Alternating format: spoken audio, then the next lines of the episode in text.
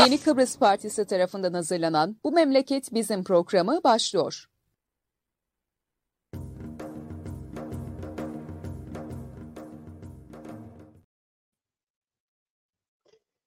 Evet, Yeni Kıbrıs Partisi'nin Yeni Çağ Gazetesi'yle birlikte hazırlayıp sunduğu Bu Memleket Bizim programının bugün yeni bir yayınındayız. Ee, Barış Parlan'la beraberiz. Barış iyi akşamlar. İyi akşamlar. Yedinci yayın sanırım. Yo altı. Ben de karıştırdım evet.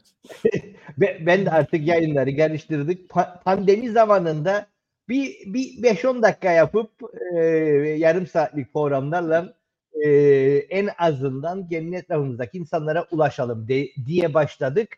Artık birkaç e, birkaç bin yedi hatırlarım. Bakarım ona biraz. E, esprisini yaptık. Paylaşın demeyelim dedi. E, şeyler olarak e, bu yayınları her zaman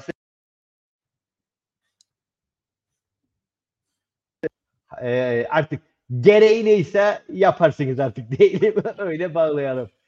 Evet Barış. Evet. Ee, evet. E, yani olur mu olmaz mı diye birinci programda e, ne zaman görürüz diye başladık ama e, attığın linklerden de şeylerden de anladığımız Türkiye falan filan diye derken dünyanın muhtelif yerlerinde bu dijital e, dönüşüm hızla devam ediyor. Kıbrıs'ın kuzeyinde de Meşlis'te de gidiyor ama hemen hemen kimse ilgilenmedi. Çok da birinin de umrunda olmadı. Ee, bir şeyleri geçiriyorlar ama herhalde neyi geçirdiklerinin e, farkında olmadıkları en derin yasalardan biri.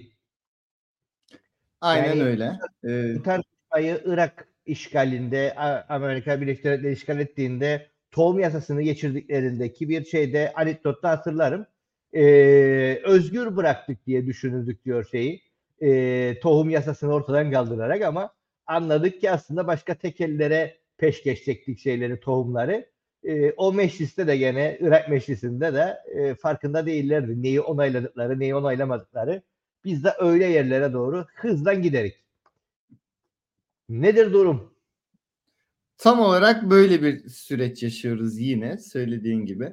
Ee, yani ekran paylaşımı alalım istersen. Durumu, güncelliğini, e, The Show olarak söyledim bunu. E, artık bütün süreci özetleyerek ne olması gerektiği, ne olması gerektiği şeklinde göstereceğim. E, ekran geliyor ee, mu? Baştan vereyim mi? E, baştan, baştan ver. Çünkü şeyde e, şeydesin. Tamam. Kendini göstermekteydin. Okay kendimi göstermekte. Tamam baştan verdim. Şunu da kaydettim. Buradan da açtım. Rahatlıkla bakabilirsin. Evet, e, dünya haritasında ilk programımızda açtığımız haritayı baştan açıyorum. En başta burada launch sıfırdı. Hiçbir şekilde var olmuş bir CBDC projesi dünyada yoktu. Sadece birkaç yerde araştırma vardı. İlk yayına basıp görebilir arkadaşlarımız isteyenler. Şu anda gördüğünüz üzere dünyada 11 ülkede aktif hale gelmiş 21 ülkede pilot durumda olduğunu gösteriyor. Türkiye'ye baktığımızda Türkiye'de artık pilot olarak gözüküyor. Niye? Çünkü Türkiye e, IMF'ye, FETÖ'ye bütün kurumlara ben pilot bölgemi aktif hale getiriyorum. Şu an üzerine çalışıyorum raporunu vermiş durumda. Bunun haberini yapmış durumda Türkiye. Ve bu Türkiye'nin pilot bölgesi olarak hazırlık yaptığı bölge aslında KKTC. Bunu da altyapı olarak, üst yapı olarak ve e, şu an meclisimizde bulunan yasa tasarısının içeriği olarak paylaştık, izah ettik. Kim bunun ne kadar anlamlı, önemli olduğunu şu dünya haritasına bakarak görebilir. Bütün dünyada gerçekleşecek dedik ve bütün dünya hızlı hızlı bu sürecin içerisine girdi. Bu dönemki en önemli haberlerden birisi baktığımızda Jamaika'nın yaşadığıydı. Jamaica Jamdex e, adlı teknolojiyle devlet kendisi CBDC uygulamasına geçti. Reklam kampanyalarını görüyorsunuz. No cash, no problem nakit yok problem yok şeklinde bir kampanyayla yani cebimizdeki bütün Türk lirasının doların nakit paranın kendisinin yok olup dijitalleşmesinden bahsediyordum. Bu kadar büyük ölçekte nasıl olurun bir başka örneğini Jamaika'dan gördük ve hemen yanında da Kenya var ki dijital kimlik çalışmalarında Gates Vakfı'ndan aldığı destekle Kenya'da Birleşmiş Milletler Kalkınma Programı tarafından destek alarak, fonlanarak dijital dönüşümün bir başka e, öncüsü olarak, ülke olarak hareket etmeye başladı.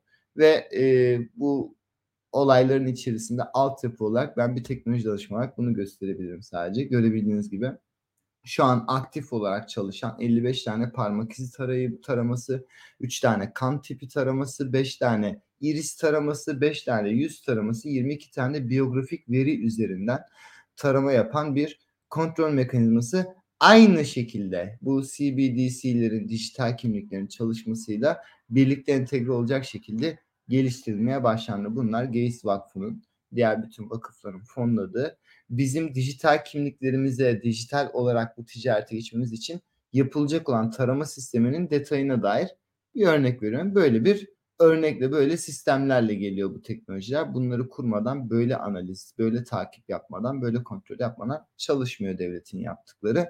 Ve dedim ki evet 26 e, Kasım Ekim e, 2023 gördüğünüz gibi Cumhurbaşkanlığı Türkiye'de dijital varlıklara vergi geliyor diye haber yaptı ve bütün Türkiye'deki dijital para birimleri olarak söyledikleri kriptolar, bitcoin ve benzeri her şeye önce vergi geleceğinin haberini yaptı. Aynı basın açıklamasında da bunlara hiç itimat etmenize gerek yok. Dijital Türk Lirası çalışmalarımız halen çok aktif devam etmekte. 2024 yılı içerisinde kullanıma sunmayı planlıyoruz şeklinde Türkiye Cumhuriyeti e, Cumhurbaşkanlığı e, aslında dijital dönüşüm ofisi bu arada. E, yani bizim e, adamızda geçen burada görevlisi Cumhurbaşkanlığı dijital dönüşüm ofisi olarak yapılıyor bu raporlar.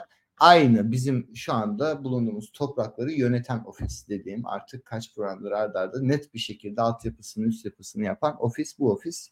Raporlarda logolarını gördük ve bunlar şu anda dijital Türk lirası vurgusunu yaparak Türkiye'de haberlere düştüler. 2024 yıl Cumhurbaşkanlığı yıllık programı karşımızda duruyor arkadaşlar. 510 sayfa. Baktın mı hiç Murat gördün mü bunu? 2024 yılı Cumhurbaşkanlığı yıllık programı Türkiye'nin Cumhurbaşkanlığı'nın strateji ve bütçe başkanlığı'nın yaptığı rapor 500 sayfa. 500 sayfada 366 defa dijital kelimesi geçiyor. Ben bir raporu açıp göstermek istedim ama baştan aşağı silme, dijitalleşme kimliklerin dijitalleşmesi, ödeme sistemlerinin dijitalleşmesi bunların altyapısı üzerine geçiyor. Bütün rapor halka açık.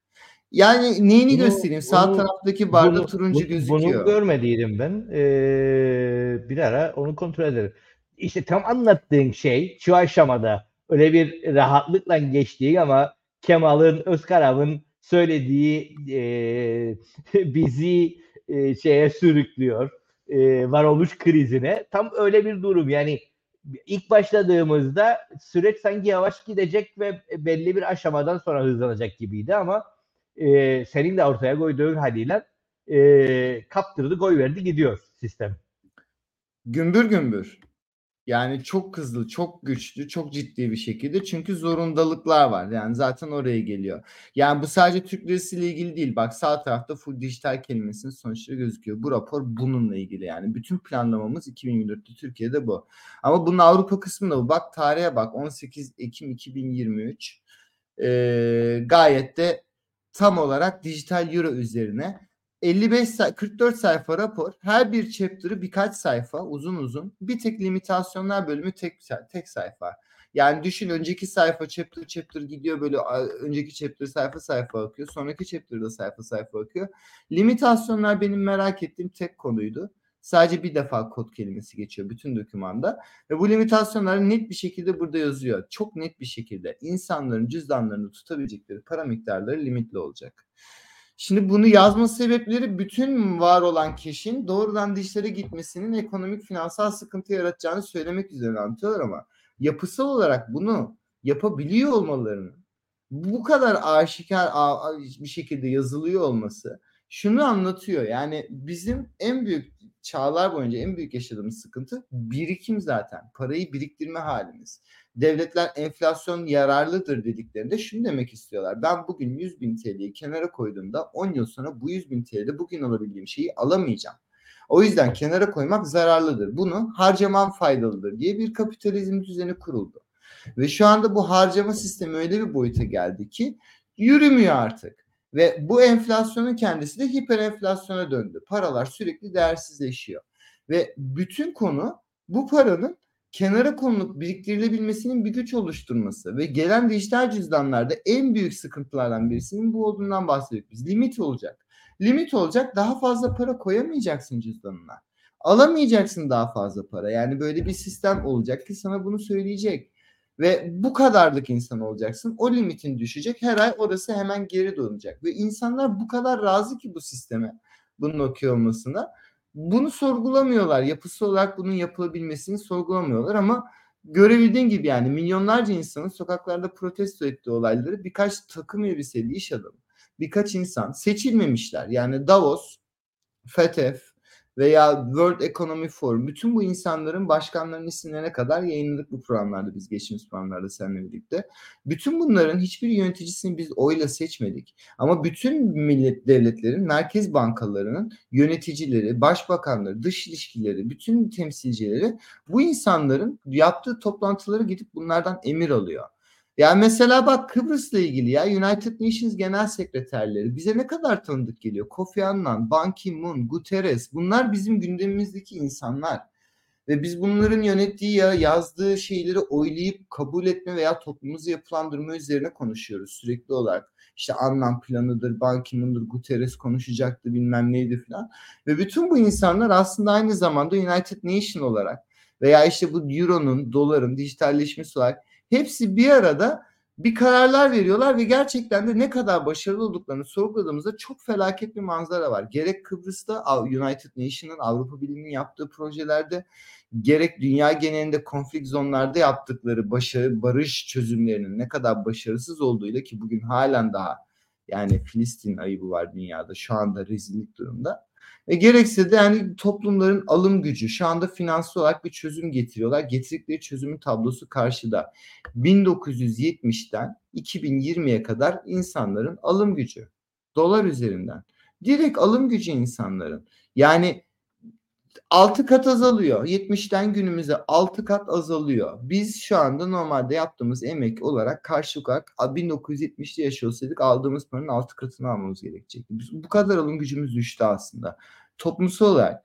Ve bu yapısal bir olay ve daha da büyüdüğünde buradaki grafikte görüyoruz. 2008'de bir şeyler kırıldı diyor herkes. Finansçılar, farkındalar. Toplum 2008'de bir kriz yaşadı. Yeni nesil çok anlamadı ne olduğunu o dönemlerde ama bütün anne babalarımız biliyor 2008 krizini. Burada 2008 krizinden günümüze dünyada var olan paranın grafiği, doların grafiği. O zamana kadar yavaş yavaş artan Amerikan doları 2008'den sonra bir anda o krizden sonra bir anda deli gibi basılmaya başladı. Dünyada 1 trilyon dolar yokken bildiğin 2014-2015 yılında 4 trilyon dolarlık para oldu. Sonra da azalmaya gittiler. İşte azaltmaya gidiyoruz. Şimdi 3,5 trilyon dolara getirdiler.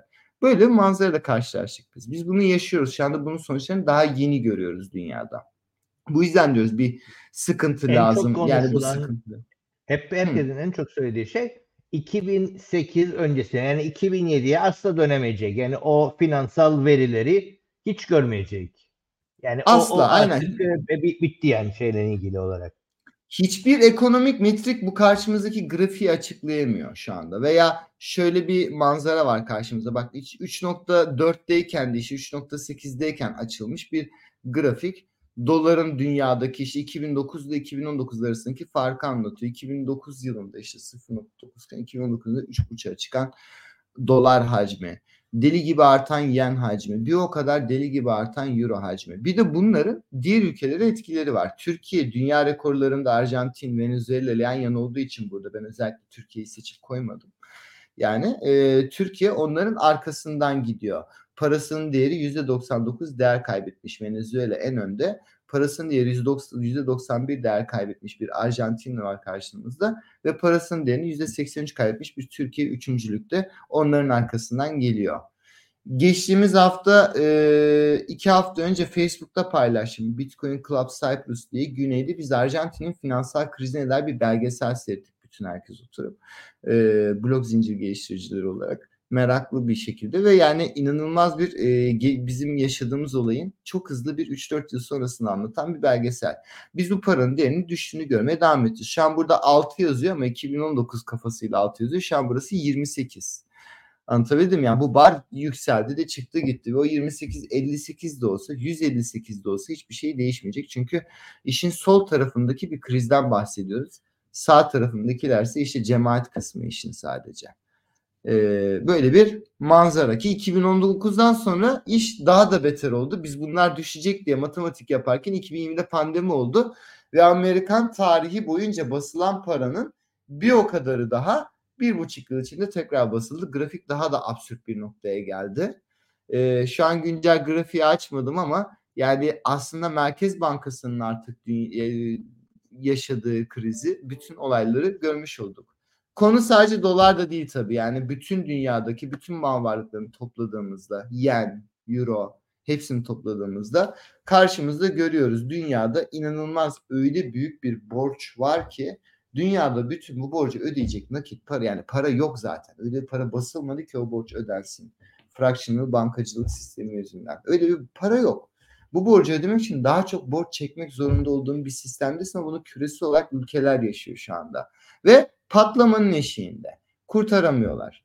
Buna çözüm olarak geliyor CBDC. Daha daha nasıl açıklayabilirim bilmiyorum. Bu Simpsons çizgi filmindeki evin artık ne kadar komik olduğunu gösteriyor. Tam olarak o ev 1990'larda niteliksiz kolej mezunu olmamış bir insanın tek aylık maaşla çizgi filmde öyle gösterildi. Maaş aldığı evde o dönemin ya 90'ların gerçekliğindeydi Amerika'sındaydı böyle bir sistem vardı.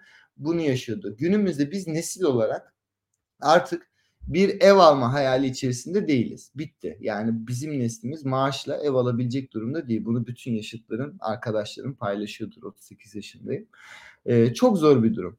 Bir de üzerine daha da fena bir durum geldi karşımızda. Emeklilik fonları herkes şu an gözümüzün içine bakan birazcık matematik, birazcık finans bilen herkes çarpıp böldüğünde devletleri biliyor ki 2030, 2040 yılında, 2050 yılında biz emekli olduğumuzda bize emeklilik olarak bakabilecek bir hazine yok. Ya öyle bir sistem kalmadı. Artık devletlerin bütün bu fonların ponzi şemasına döndüğünü, bütün devletlerin ne durumda olduğunu gösteren raporlar yayınlanmaya başladı. Merak ettik, araştırdık, bunlara baktık. Emeklilik gerçekten kafadaki olay bu mu? Emekli bile olamayacağız mı? Grafiğe bakar mısın? Suudi Arabistan 47, bir de Türkiye var aşağıda böyle 52. Geri kalan herkes sağda ve buna rağmen bu tablonun verimli olmadığını, verimli olması için yeterli olmadığını ülkelerin yapılan bir çalışmaydı. Oradan daha da merak ettim. Ya dedim ben bu işin içine gireyim ve gerçekten küresel anlamda emeklilik fonları ile ilgili yapılmış şu an en ciddi kaynağı buldum, indirdim. Açtım baktım içinde Türkiye ne durumda, bizim emeklilik fonları ne durumda nedir diye bütün skorlara baktığımızda Türkiye dünyanın en kötü, buradaki ülkelerin en kötü üçüncüsü. Üçüncülükteyiz şu anda en kötülükte. Ee, çok kötü bir emeklilik D skoru alan bir emeklilik. Hatta sürdürülebilirlikte E'yiz. Yani kesinlikle şu anki mevcut emeklilikle sürdürülemeyecek şekilde devam ediyor. Olduğunu gösteren bir raporla karşılaştım. Gerçekten de devletimiz Ponzi şemasına döndürmüş. Bu ay verilen bütün bu paraları da aslında hazineye yatırıp değerlendirip gelecekte bizim değerlendirilmiş paralarımızın ya bir yatırım şeklindeki faiziyle filan aslında bize para vermeleri gerekirken emeklimize ödemesi gerekirken sadece şu anda halktan aldığı parayı koşur koşur emeklilere yetiştirmeye çalışıyor. Ama aynı zamanda yaşlı nüfusu büyüyor ve Türkiye gibi bizim gibi ülkelerdeki bütün finansal veriler de darmadağın olmuş durumda. Sürdürülebilir olmadığı, bizim emekli olamayacağımız, devletlerin bizim için emeklilik parası üretemeyeceği ve bu sistemin çok yakın bir zamanda çökeceğine dair artık deli gibi haberler gelmeye başladı. Bu programı paylaşmamak, bu programı beğenmemek, bu, burada anlattıklarımı etrafındaki insanlara önemsizmiş gibi yani paylaşmanın önemini anlatamam artık arkadaşlar. Ciddi anlamda bu, bilmiyorum daha önemli tartışılacak bir konu olduğunu düşünmüyorum ben işin realitesine bakıldığında. Ve e, paylaşmanızı diliyorum. Bu sefer ben bozdum. Ama e, dilerim ki bunları da konuşma, konuşmak, e, burada anlatılan verilerin ne olduğunu sorgulayan bir noktaya geliriz ve deriz ki ya biz emekli olabilecek miyiz 2040'da? ey devlet bir matematiğini yapar mısınız bize de, diyecek noktaya ne zaman geleceğiz çok merak ediyorum. İşte o söylediğin şey 2008 krizinde e, ki durum da zaten bunu gırdı. E, belki Türkiye falan e, biraz teğet geçti ama dünyadaki birçok e, sağlık, hayat sigortası şu bunun fonları e, çok ciddi bir şekilde şeyde gitti. 2008 krizindeki o e, ne üdüğü belirsiz değilim şeylerde e, yatırımlar sırasında e, buharlaşıp gitti. Evet. Evet. Bu kısmı bu noktadan sonra da artık diyorum ki tamam bu programı artık Murat'la yaptığımız programda insanlara ne verebiliriz? Artık şeyi izah etmek lazım arkadaşlar. E, finansın günümüzdeki gerçekliğini bir bakmak lazım. Hani dünyanın yüzde biri geri kalan yüzde yetmişinin bütün yüzde yetmiş mal varlığına sahip. Amerika'daki insanların bile düşün Amerika'da 1000 dolar 1500 dolar çok ciddi bir rakam değil. Yani Amerika'da 5000 dolar 2 aylık geçim belki ve 2 aylık geçimi karşılayamayan yüzlerce milyonlarca insan var. Toplumun %45'inin birikim diye bir olgusu yok. Toplu yani %25'in de 1000 dolardan daha az birikimi var Amerika'da. Bu kadar ciddi bir kriz, bu kadar ağır bir kriz iyice artık e, çekilmiş durumda Burada dedim ki ben Murat'la oturmalıyım ve işi ekonomi 101 baştan işte kazanmak nedir, harcamak nedir, biriktirmek nedir, yatırmak nedirden başlayarak çok basit bir ayrışarak insanlara ne yapacağız Barış? Tamam anladık battı bitti tamam CBDC dijital lira da geliyor biz ne yapacağız? Bu, yarın ne yapacağız? Biz nasıl yapacağız bu işlerinden noktaya gelince bir finansal okuryazarlık anlatma ihtiyacı hissettim.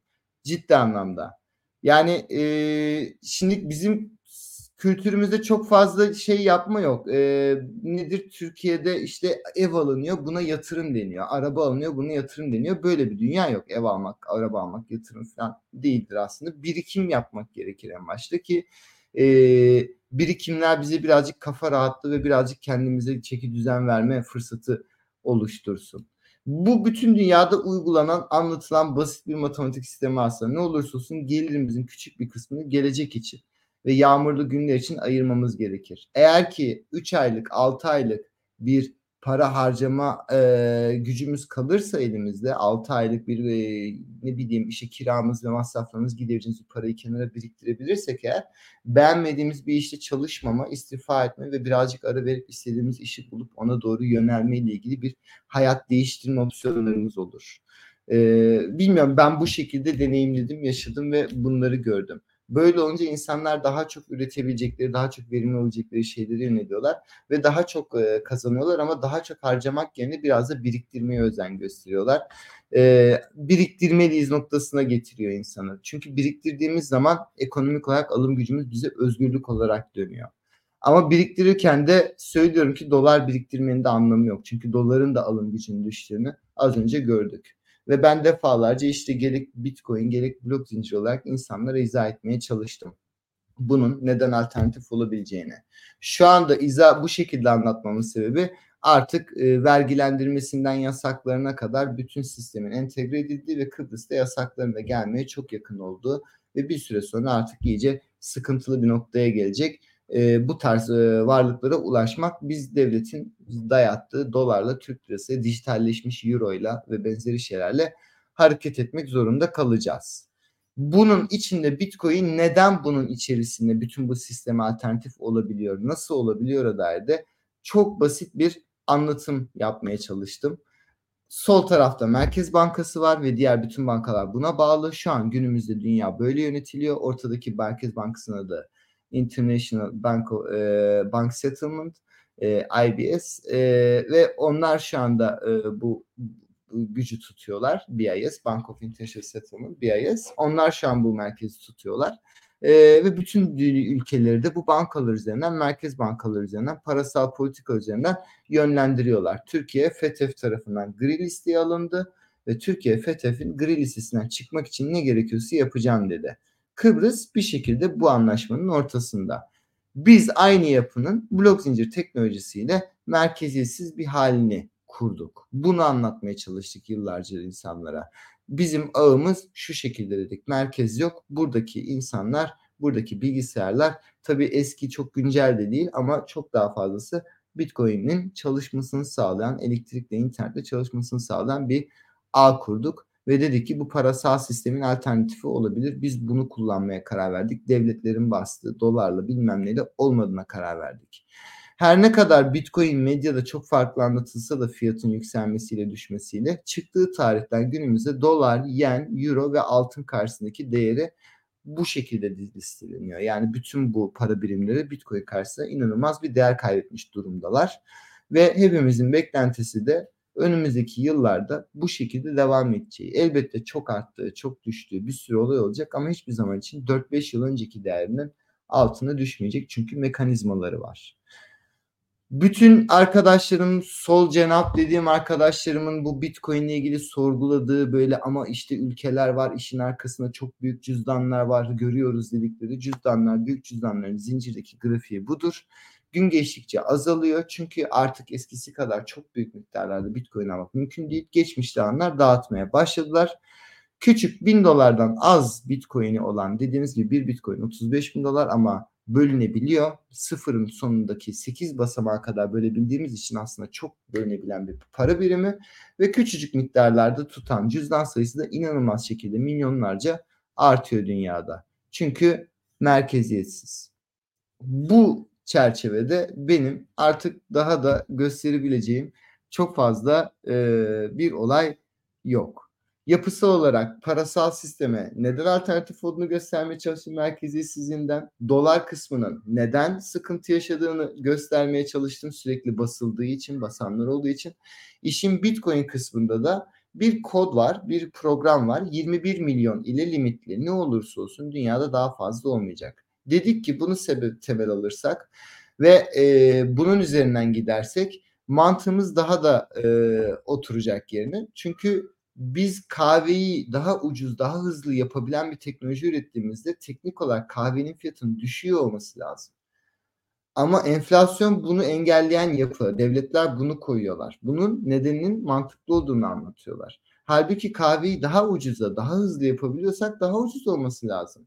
Ve insanlığın bir temel para birimi üzerine anlaştığında, daha verimli bir şeyler çözdüğünde eşyaların, olayların, masrafların ucuzluğu olması lazım. Bizim alım gücümüzün güçleniyor olması lazım. Biz insanlık olarak son 50 yıldır, 100 yıldır alım gücü düşen bir sisteme geçtik. Çünkü altın gibi olguları kaldırdık kullanımdan. Ve bugün bu krizin en uç noktasında gerek nerede neyi harcayacağımızı, nasıl harcayacağımızı, neyi harcayamayacağımızı karar veren bir dijital sistemle gelmeleri, gerekse bunun özgür olan, fikirsel olarak aynı 2008'de yaşanan krize tepki olarak 2008'de çıkmış olan bir teknolojiye de yasaklamalarıyla, regülasyonlarıyla ve medyada yaptıkları haberleriyle bunu karalamaları üzerinden bir süreç dönüyor.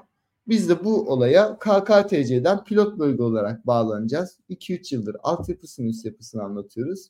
Güneyde de dijitalleşme euro olarak gerçekleşiyor. Onlar da çok kaygılı ve korkulular. Onlar da bankalardaki paraları el konuldu.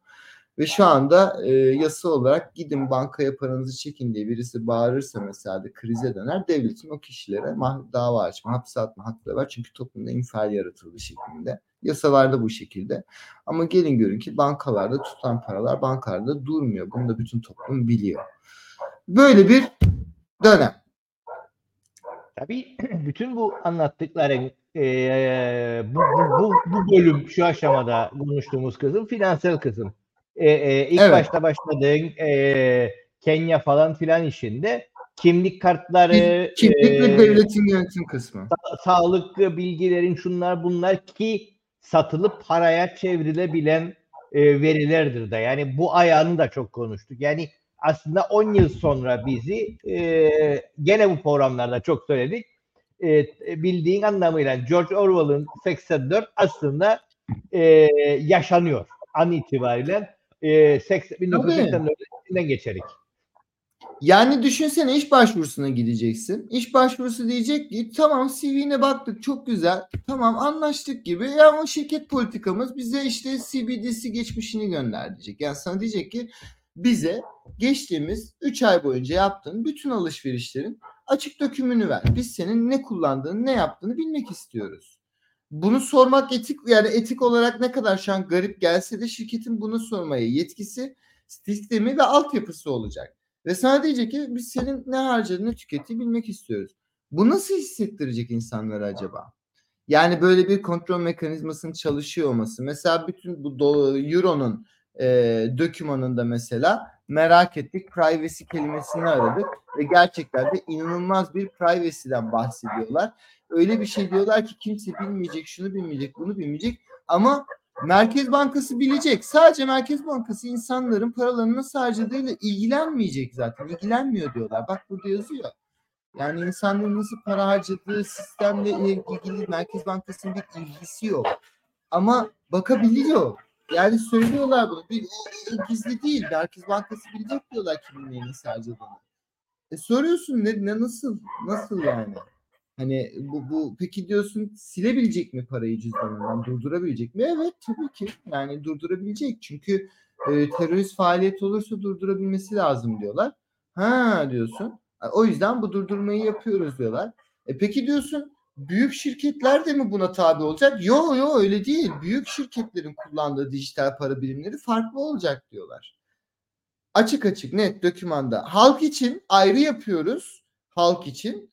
Şirketler ve kurumlar için ayrı yapıyoruz diyorlar. Onlarınki başka. Onlarda limit olmayacak mesela diyorlar. Açık bir şekilde. E, halkın cüzdanında halk yanlış yapar. Halk beceremez. Biriktirir falan. O yüzden halka limit koyacağız diyorlar. Açık açık dokümanda bunu yazıyor. Diyorsun ki peki diyorsun şimdi e, internet olmadığında ödeme nasıl olacak? Ha diyorlar o da gelecek ama bütün telefonların içine bir çip takacağız. Onu hazırlıyoruz. Onu taktığımızda bütün telefonlara çipleri taktığımızda o zaman offline ödeme de olacak diyorlar mesela. Ama önden parayı yatırman gerekiyor ki offline'ken harcayabilesin diyorlar. E diyorsun bir dakika bu çipi bütün telefonlara takma bu büyük bir konu nasıl olacak? Hiç merak etmeyin. Hepsi hazırlanıyor diye yazıyor raporda. Bu da. E peki diyorsun şimdi bu kadar çip takılacak. Bu benim nerede olduğumu, ne yaptığımı, şey yaptığımı görecek e, yani kontrol edebilecek mi bu çipi? Tabii ki tabii ki diyorlar. Eğer ki istemezsek senin şu bölgede harcama yapmanı o bölgede masraflar mesela harcama yapmak daha yüksek vergilendirecek senin cüzdanında. Ama böyle anlatılmıyor. Şöyle anlatılıyor. Belirli bölgelerdeki e, tüketimi arttırmak için insanlara insentif yaratmak için belirli bölgelerde indirim yapabileceğiz diyor teknolojik olarak. Yani Murat burada Lefkoşa surlar içinde alışveriş yapma ama Gönyeli tarafından alışveriş yaparsan daha ucuza gelecek. Ha, sıkarsan da gidersen Girne'ye çok daha ucuza gelecek gibi bir e, tabii ki canım yapabileceğiz bunları. Niye? Lazım olacak. Raporda yazıyor şu anda. Yani bayağı yazıyor açık açık yazıyor yani. Ve bunlar sadece dijital yorum raporunda yazmıyor. Türkiye Cumhuriyeti Cumhurbaşkanlığı tarafından o şeyleri tarafından anlatan raporun içindeki dijitalleşme sürecinde de bunlar gayet terörizm, çevrecilik ve benzeri farklı faaliyetlerle anlatılıyor. Biz de şunu söylemeye çalışıyoruz. Yani bir şeyin bölünebilip dijital olması ve kimse tarafından kontrol edilemeyen özgür bir hali orada varken neden devlet böylesine kontrol mekanizmasını geliştirmek istiyor? Kontrol etmek içinse. Peki halk bunu nasıl seçip de bütün bu bitcoin dururken ya yok ben Türk lirası kullanacağım, dijital lira kullanacağım diyecek. Nasıl olacak bu? Nasıl ikna edecekler dediğimizde olacakları da anlattık. Felaket olacak. Dijital lirayla destekleri vereceğiz. Mesela şimdi şu an e, güneyde Kıbrıs Cumhuriyeti'nde e, gara parayla mücadele, kaçağı önleme ile ilgili e, bütün işletmelere kredi kartı zorunluluğu getiriyor.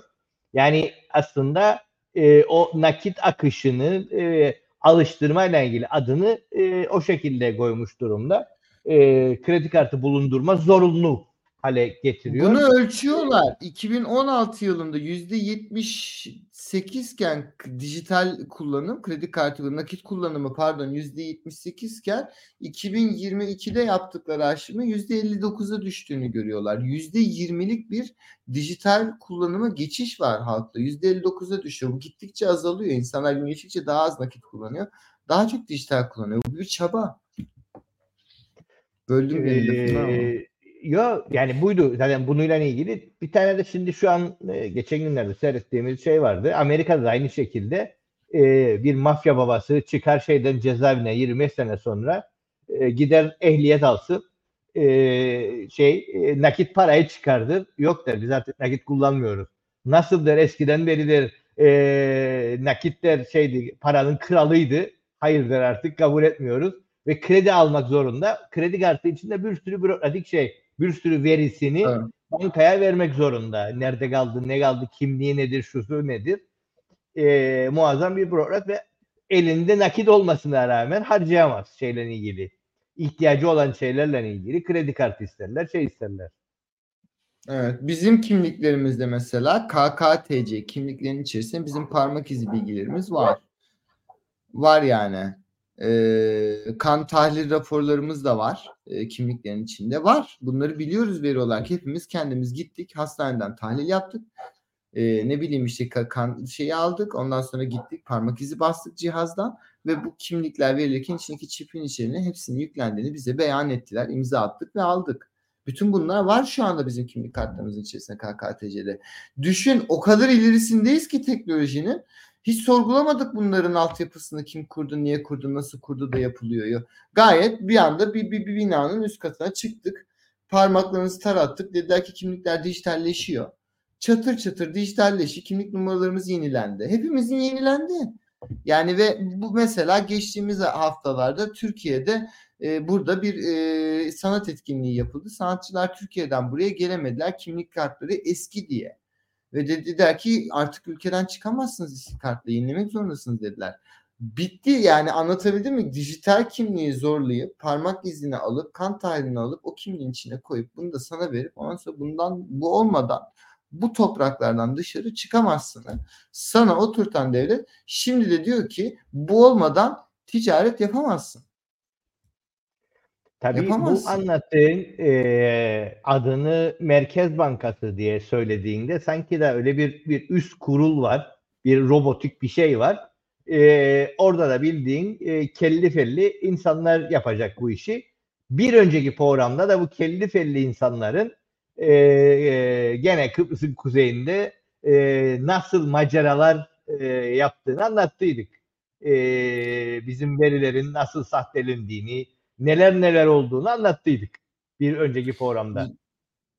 Elbette şimdiye kadar her şekilde her e, teknolojinin her noktasında bizim dijital verilerimiz hep bir komik bir haber olmuştur. Yani e, Silk Road'da Türkiye Cumhuriyeti vatandaşlarının kimlik verileri satıldı. Defalarca satıldı. 2000 en son 2021'de 2022'de gene çalındı. Geçtiğimiz yıllarda gene satıldı. Gene biliyoruz artık alıştık. Ve daha da komiği bizim kendi verilerimiz Kıbrıs'ta elden ele USB ile dolaşıyordu bir noktada. Geçmiş şey verilerimiz, kimlik seçim verilerimiz, seçmenler için dağıtılan veriler elden ele USB ile do- do- dolaşıyordu. Cid biliyorsun, biliyorsun, gülüyorsun ve biliyorsun yani dolaşıyordu böyle. İnsanlar bunu kopyalıyorlardı ve şu anki halde de biliyoruz zaten ki daha geçtiğimiz haftalarda bir e, şeyden dolayı e, kapı tutuklandı. Özel bir şirketin içerisinde gayet de bütün bakanlıklarımızın verileri ya adamlar sahte evrak yapıyormuş yani hani dönüp baktığında erişim var. Bırak okumayı yazma hakkı var sonuçta. Böyle bir manzaradan bakıyoruz biz bu iş. Böyle bir manzaradan bağlanıyoruz olaya. Ee, ve ve Tabii bugün işte ben bu, bu, bu, bir anda bu, bu, bu, bu insanlar e, Türkiye'den birileri geliyor. Ara ara bunu sendikalar hatırlatıyor aslında. Yani kıtams falan bununla ilgili e, belli dönemlerde söylediği yani belli işlemlerin daimi kadrosu olan kişiler tarafından yapılması gerekir. Neden? Mantığı basit.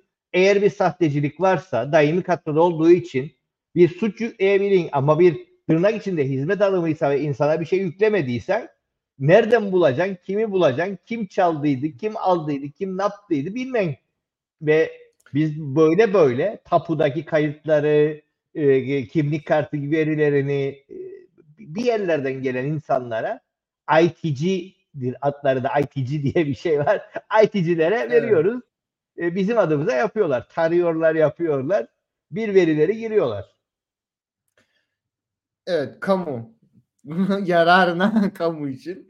E, ve yani bir yandan da tabii şey de e, Ma- Max, Max sistemi de kuruldu Kıbrıs'ta. Aslında telefonlarla hani şey yapabiliyoruz. Turkcell bize kampanya yaptı. Aracınız, çocuğumuzun aracı 100 kilometreden hızlı giderse telefonumuza mesaj geliyor. Sormadı kimse. Ya nasıl biliyor? E, tarıyor. E, tamam da hep mi? E, tabii ki hep. Yani hatta senin düşündüğünden de fazla. Saniyede 100 defa tarıyor. Yani daha da beter. Şu salladığımı bile tarıyor belki de anlatabildim mi? O kadar hep tarıyor. E, bütün bu verileri alıyorlar e, ve sorgulayamıyor. Zaten hani WhatsApp kullanıyoruz. WhatsApp'ı sorgulayamıyoruz. Hani Android kullanıyoruz. Google'ı sorgulayamıyoruz. Apple kullananlar hani e, işte iPhone'lar Apple'ı sorgulayamıyorlar. Çok güzel bir karikatür vardı bu işlerde. Microsoft yakalandı geçtiğimiz haftalarda işletim sistemi verisini, kullanıcı verilerini e, kullanıyor diye. Ve Microsoft dedi ki ya ama ben sadece hani böyle yapıyordum falan diye Google dedi ki ben müşterilerime şey yapmıyordum. Ben sadece internetteki verilerini kullanıyordum. Ben daha açıktım. Apple e, biz diyor müşterimize imza atıyoruz. En azından söylüyoruz onlara falan diyor. Yani böyle bir gerçeklikte bütün şirketler bütün verileri alıyor. Devletler onlardan hallice daha da beter bir şekilde. Devletin de tek derdi aman ticaret, aman vergi şey yapabildi mi, şu mu bu mu? E senin öbür taraftan hani elektrikle ilgili yolsuzluklar, olaylar, e, eğitim sistemi çökmüş, darmadağın ortalık bu. Ada batmış yani yıllardır toplu taşıma yok filan modundayız. Her şeyimiz ayrı bir dalgada ama biz inanılmaz 800 değil 1 milyon dolarlık neredeyse bir altyapıyla dijital kimlik ve dijital dijitalleşme sürecine girdik bir anda. Bu parayı nereden bulduk?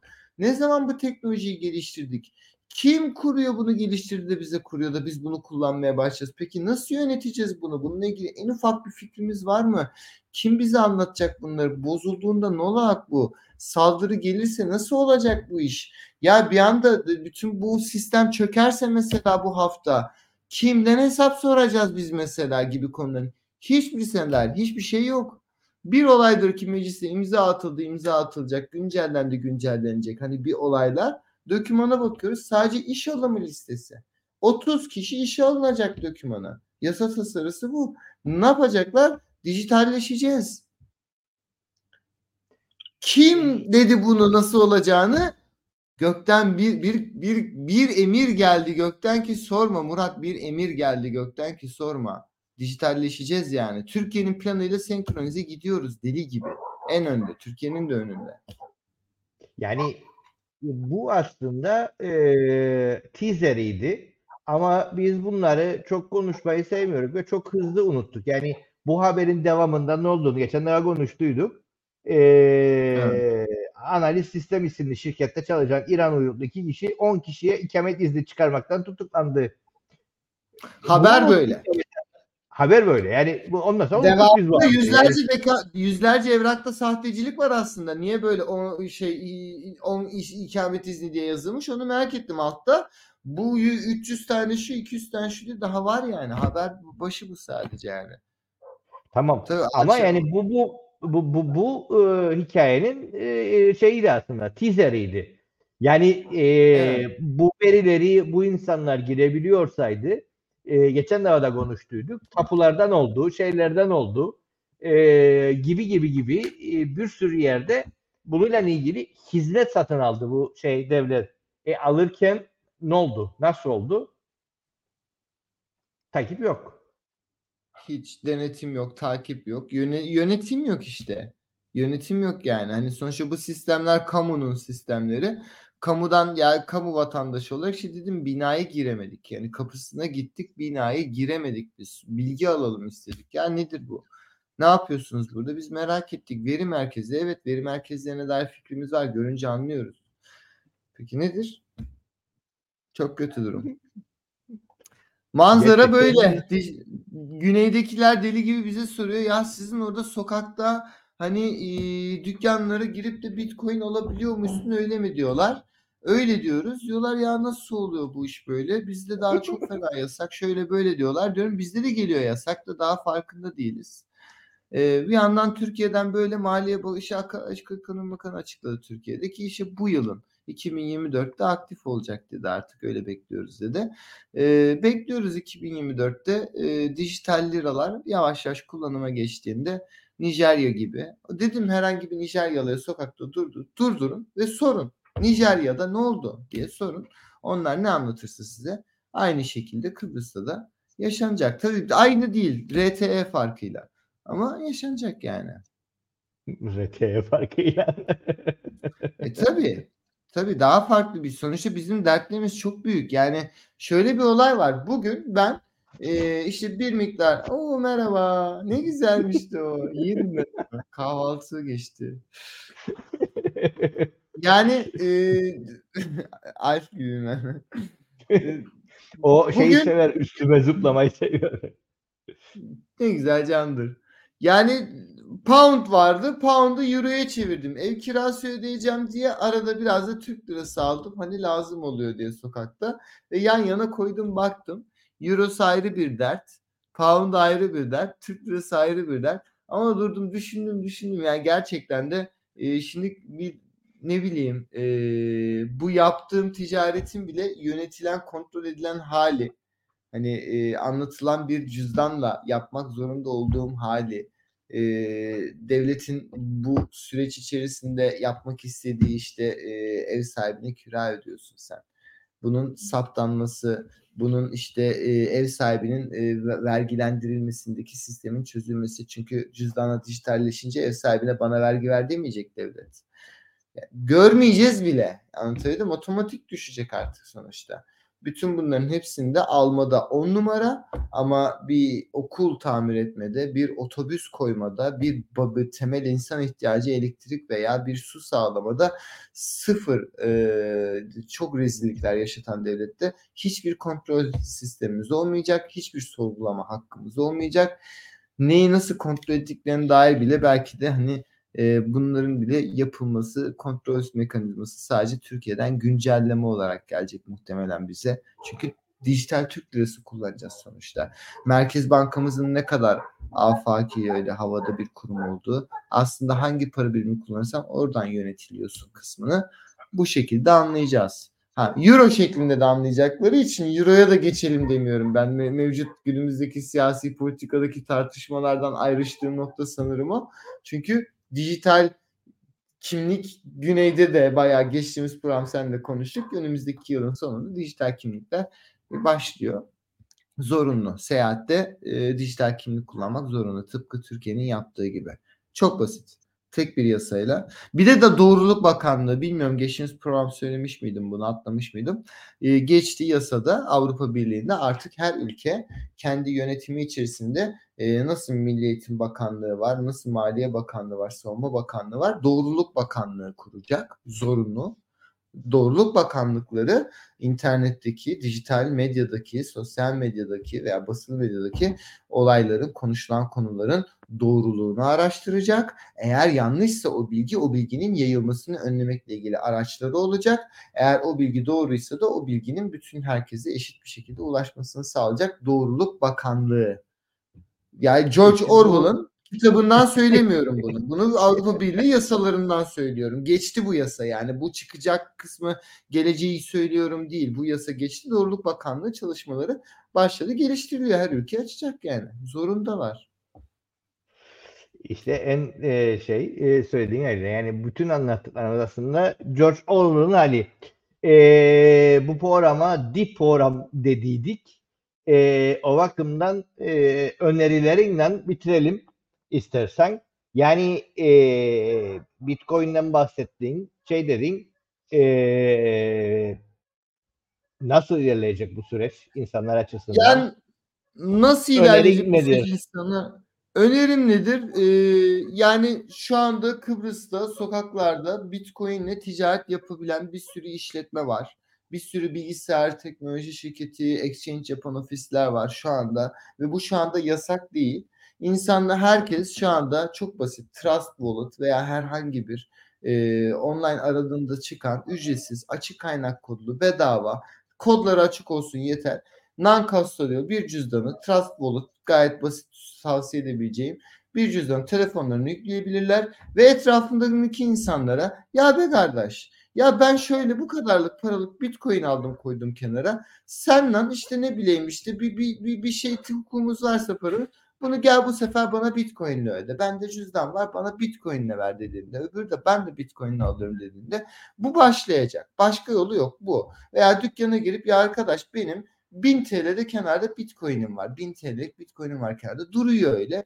Duruyor yani. Bununla ödeyeceğim. Ben sen senin restorandan yemek yediğimde bununla ödeyebilir miyim diye soracak. Bugün yasak olabilir. Ya da şu an serbest aslında yasaklar gelecek. O yüzden söylüyorum. Yasak zaten gelecek ama teknik olarak imkansız yani engellenmesi. Çünkü senin telefonun içerisinde sen birisine bu ticareti yapabiliyorsun.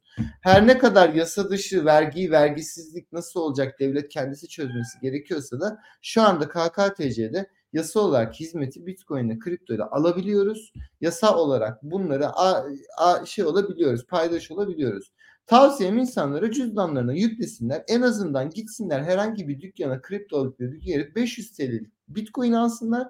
Koysunlar Lightning görsünler orada durduğunu ya da işte Ethereum, Bitcoin alsınlar koysunlar desin orada duruyor tamam. Ve herhangi bir seni göndermeye çalışsınlar. Çocuklarına altın takacaklarına Bitcoin göndersinler onun cüzdanında dursun. Bu senin, başka senin bir şey demiyorum. Şey, senin hoşlanacak şeyi yapayım patladayım madem şeyi. Yani dediğin e, bu, bu, bu siteye girsinler. E, ilginç bir şekilde yalnız bunun e, şeyinde evet. e, www kısmı yazmıyor. Yani Google'dan ararsan yazmıyor. yazıyor. Da, da, www kısmı yok. yani evet, bu, bu, bunu halletsinler. Aynen Trust Wallet gayet bunu hallederken insanlar görecek ki ya Bitcoin'i güvenli kılan neymiş görecekler. Burada cüzdan açarken şifre oluşturma ekranında o şifreyi görecekler ki bunu diyecek kağıda yazın diyecek ve o 20 tane kelime verecek. O 20 kelimeyi kopyala yapıştır yapmayın arkadaşlar. Onu alın kağıda yazın. O kelimeleri saklayın ve bilin ki dünyada dünyada hiçbir teknoloji hiç kimse yani ilk defa bu teknolojiye haiziz. Dünyada hiç kimse o 20 kelimelik şifreyi siz vermediğiniz sürece sizin paranızı alamayacak. Orada o bitcoin duracak. Hiç kimse hiçbir hacker hackleyemeyecek. Hiç kimse sizden onu yasa dışı bir yolla alamayacak. O şifreleri saklayın koyun. Bu Trust Wallet açık kaynak kodlu. Yani o şifreler sizde ya o, o programa ihtiyacınız yok. Wallet çalışmıyor bile zincir şifresi olduğu için elinizdeki başka bir cüzdanla aynı şifreyi girdiğinizde gene paranızı orada göreceksiniz. Bu teknoloji bu teknoloji. Alın koyun içine de bir bitcoin işte bir 0.001 bitcoin 350 dolar yapıyor.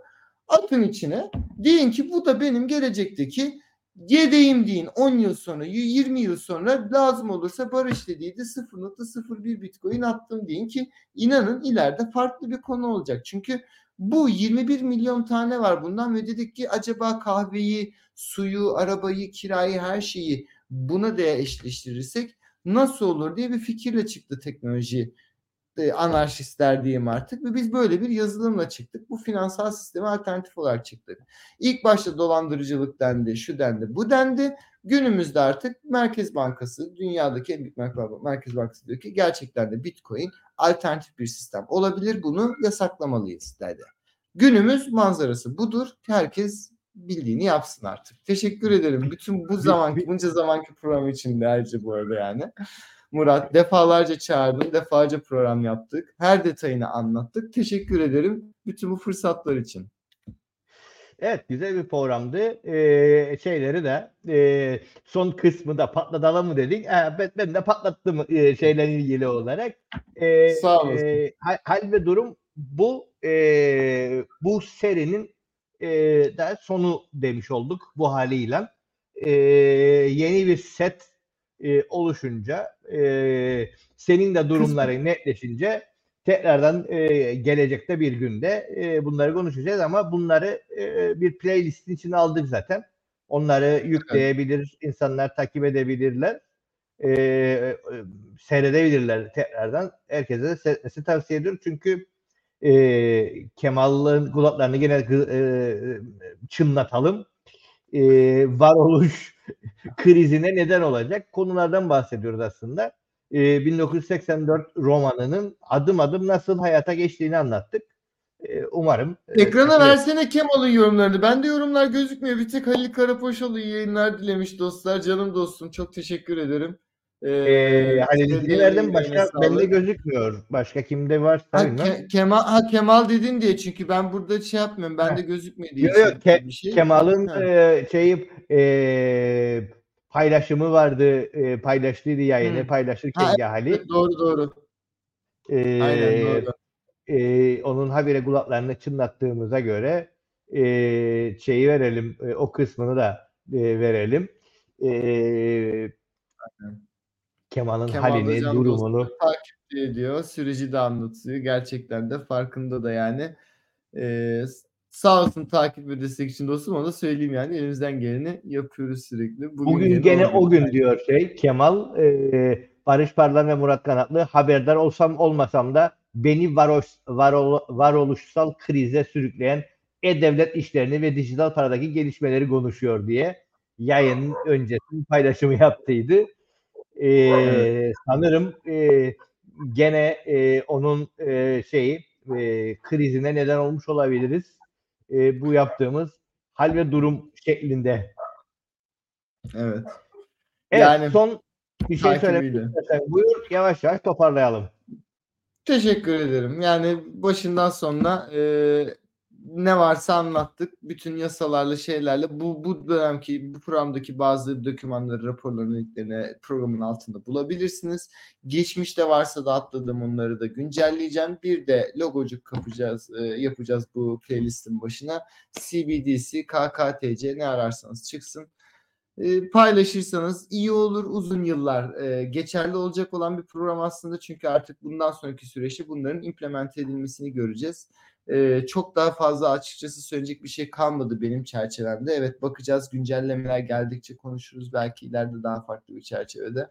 E, ama genel anlamda ben bütün derdi, problemi, nedenini ve sonucunu ve bizim de sunabildiğimiz çözümünü şeklinde bir programda anlatmış oldum. Murat da bütün bu süreçte hep böyle destek oldu. Teşekkür ederim kendisine de.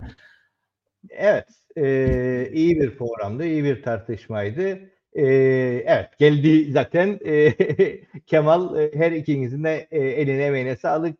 Kriz haberdar olsak da olmasak da kapımızı çalıyor diye söyledi. Evet. E, Kemal e, kötü haber kapı falan çalmıyor. Direkt olarak içeriye dalacak. Birazdan direkt olarak paldır küldür gelmektedir. E, halimiz, e, durumumuz o. E, çözüm önerileri için de teşekkür etti. Kemal'ın durumu bu. Evet. Evet. e, bu yayının da bu halinin o zaman sonuna gelmiş olduk. Bizi takip eden herkese teşekkürler. Yeni bir canlı yayında görüşünceye kadar herkes kendine iyi baksın. Herkese iyi akşamlar. İyi akşamlar.